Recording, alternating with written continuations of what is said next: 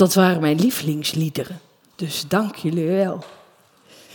Wat is het leuk om hier te zijn. Wat was ik vergeten hoe leuk het hier is, uh, Wilma. Lekker licht. Al die lichten op je, dat is dan wat minder, maar... En vertel iets over jezelf. Nou, laat ik iets vertellen over de Keistadkerk. Dat is een uh, heel klein kerkje.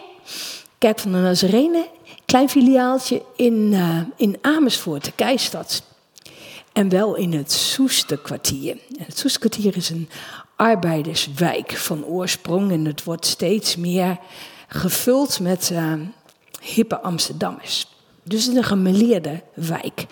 En Clara, die mij nu hierheen gereden heeft, daarmee was ik afgelopen woensdag bezig met een klus in het Soesterkwartier. Ik ben een beetje een gekke dominee, dat vertelt het maar.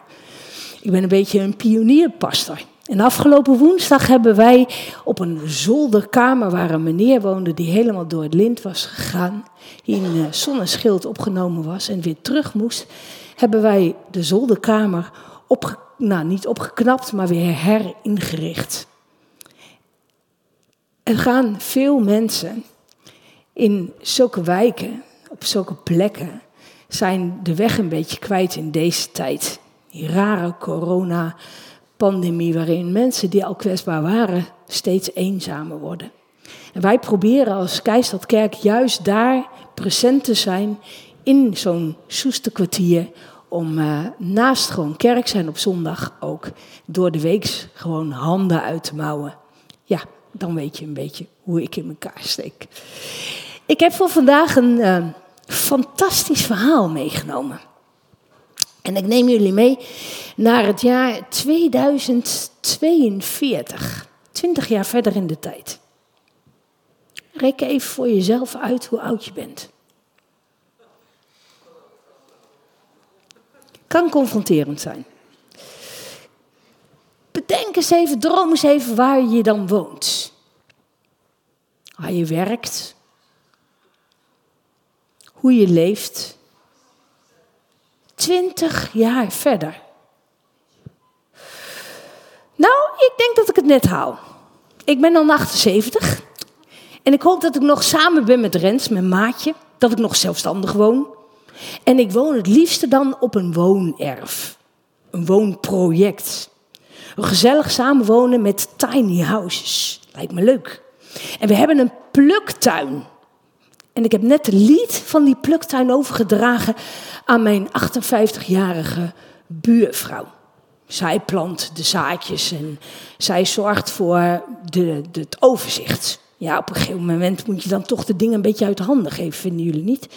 Ik fiets nog, ga elke dag graag naar de bakker of de kaasboer. En ik heb regelmatig mijn kinderen en kleinkinderen op bezoek. Oh, het eerste kleinkind komt er al achter. Achterkleinkind komt er al aan. Hoe leuk om nog regelmatig met de trein naar het strand te gaan. Ik hou van het strand van Scheveningen. En er wil altijd wel iemand met mij mee. Lekker strandtentje pakken. Klinkt leuk toch? Klinkt toch realistisch? Maar over twintig jaar is de wereld misschien wel zo veranderd dat dit helemaal niet realistisch is en dat dit onzin is. Ken je dat spotje? Er zit een jongetje van tien op een barkruk tegenover een man van dertig. En de vraag van het jongetje klinkt: In wat voor wereld leef ik als ik net zo oud ben als jij? En we zien de man denken. En de camera gaat naar beneden. De stoelen staan in 10 centimeter water. Het klimaatrapport van augustus vertelt ons dat het Scheveningen-strand misschien helemaal niet zo meer bestaat als het er nu bij staat. De zee rukt op, de veranderingen algemeen gaan verschrikkelijk snel en het wereldtoneel ziet er ook nog elke maand anders uit. Deze preek hield ik vorig jaar een paar keer en het werd steeds actueler. De overstromingen van de zomer, de klimaattop van Glasgow en ondertussen een nieuwe minister van Klimaat. En bij ons in Amersfoort heeft een actiegroep onder de plaatsborden bij de binnenkomst van de stad geplaatst. Badplaats van 2100. Anderhalf jaar geleden werd ik oma. Dan ga je toch echt een beetje anders tegen alles aankijken. Dan word je een klein beetje ongeruster over de wereld. In welke wereld groeien onze kinderen, onze kleinkinderen op?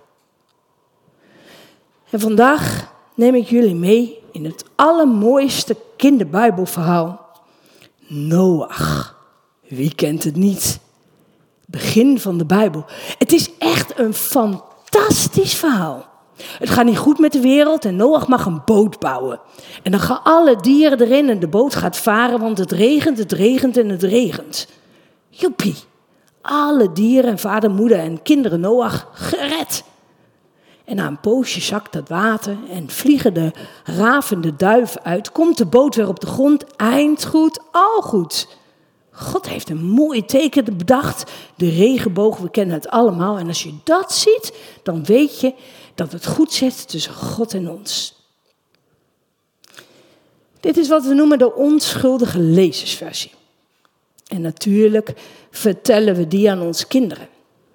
En mijn kleindochter Nora gaat het verhaal herkennen en ze gaat het ook nog tekenen. Maar, en, in 2042 is dat kleine ding geen kind meer. Hopelijk is het een kritische denker en een vertrouwend, optimistisch persoon geworden. En dat zal ze nodig hebben. Want de komende twintig jaar zal de druk op geloven en Bijbel toenemen. En daar kan je echt maar beter op voorbereid zijn. Lezen wij nog de Bijbel? Lezen we sowieso dan nog? En de Bijbel lezen, hoe doe je dat dan? De Bijbel kun je heel conservatief, feitelijk lezen. Alles wat er staat, dat is waar. Je kunt het ook vrijzinnig, symbolisch lezen. En zo simpel is het niet. Mijn held Brian McLaren zegt: ergens op die horizontale lijn tussen letterlijk of literair kun je kiezen iets metafysisch als een metafysische waarheid te zien of een metaforische waarheid. En sta jij nog open voor de veranderingen van de culturele en historische contexten met inzicht van deze tijd? Durf jij aan die horizontale lijn ook nog een verticale lijn toe te voegen? Eentje van onschuldig, kritisch naar integraal postkritisch. Een as van een zoekende relatie met God. Altijd in gesprek met Hem zijn over wat Hij wil zeggen in de Bijbel. En met die ogen gaan we kijken naar de boodschap van het verhaal van Noach. Het verhaal van God in Noach. Eerst ga ik zeggen, het verhaal van Noach kan echt heel goed letterlijk feitelijk gebeurd zijn. Bij God is niks onmogelijk en in de Bijbel staan best een beetje gekkere verhalen. En we gaan Genesis 6 tot 9 zeer serieus nemen. En lees het alsjeblieft thuis eens helemaal door. Daar heb ik nu geen tijd voor. Er waren in de vroege oudheid van de Midden-Oosten, en maar ook in andere culturen, altijd al wel zondvloedverhalen.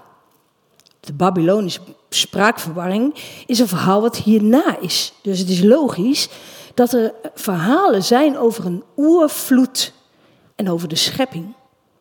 Een vloed is er absoluut geweest. Er was nog geen papier, hè? En dus werden de verhalen verteld, herhaald, vertaald. De Bijbel komt uit een orale cultuur, tijd van het kampvuur. En als je het verhaal van Noach leest, dan is het ook op die manier zo spannend verteld. Dus echte storytelling. De opbouw, de verbeelding, de dramatiek, het zit er allemaal in. Je kunt er dan over zeggen, de feiten worden zo herhaald dat ze bewaard zijn. Je kunt er ook over zeggen, de ernst van de zaak zit er echt goed in. En de ernst van de zaak is confronterend. De wereld is rot. De mensen deugen niet. God heeft spijt van zijn schepping. Lees maar met mij mee. Uit Genesis 6, vers 5 tot 7. De Heer zag dat de mensen op aarde zeer slecht waren.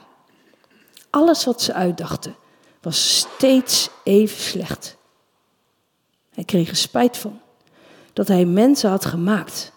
Hij was tot in het hart gegriefd. Ik zal de mensen die ik geschapen heb van de aarde wegvagen, zei hij. En met de mensen ook het vee, de kruipende dieren, de vogels. Want ik heb er spijt van dat ik ze heb gemaakt. Alleen Noach was hij goedgezind.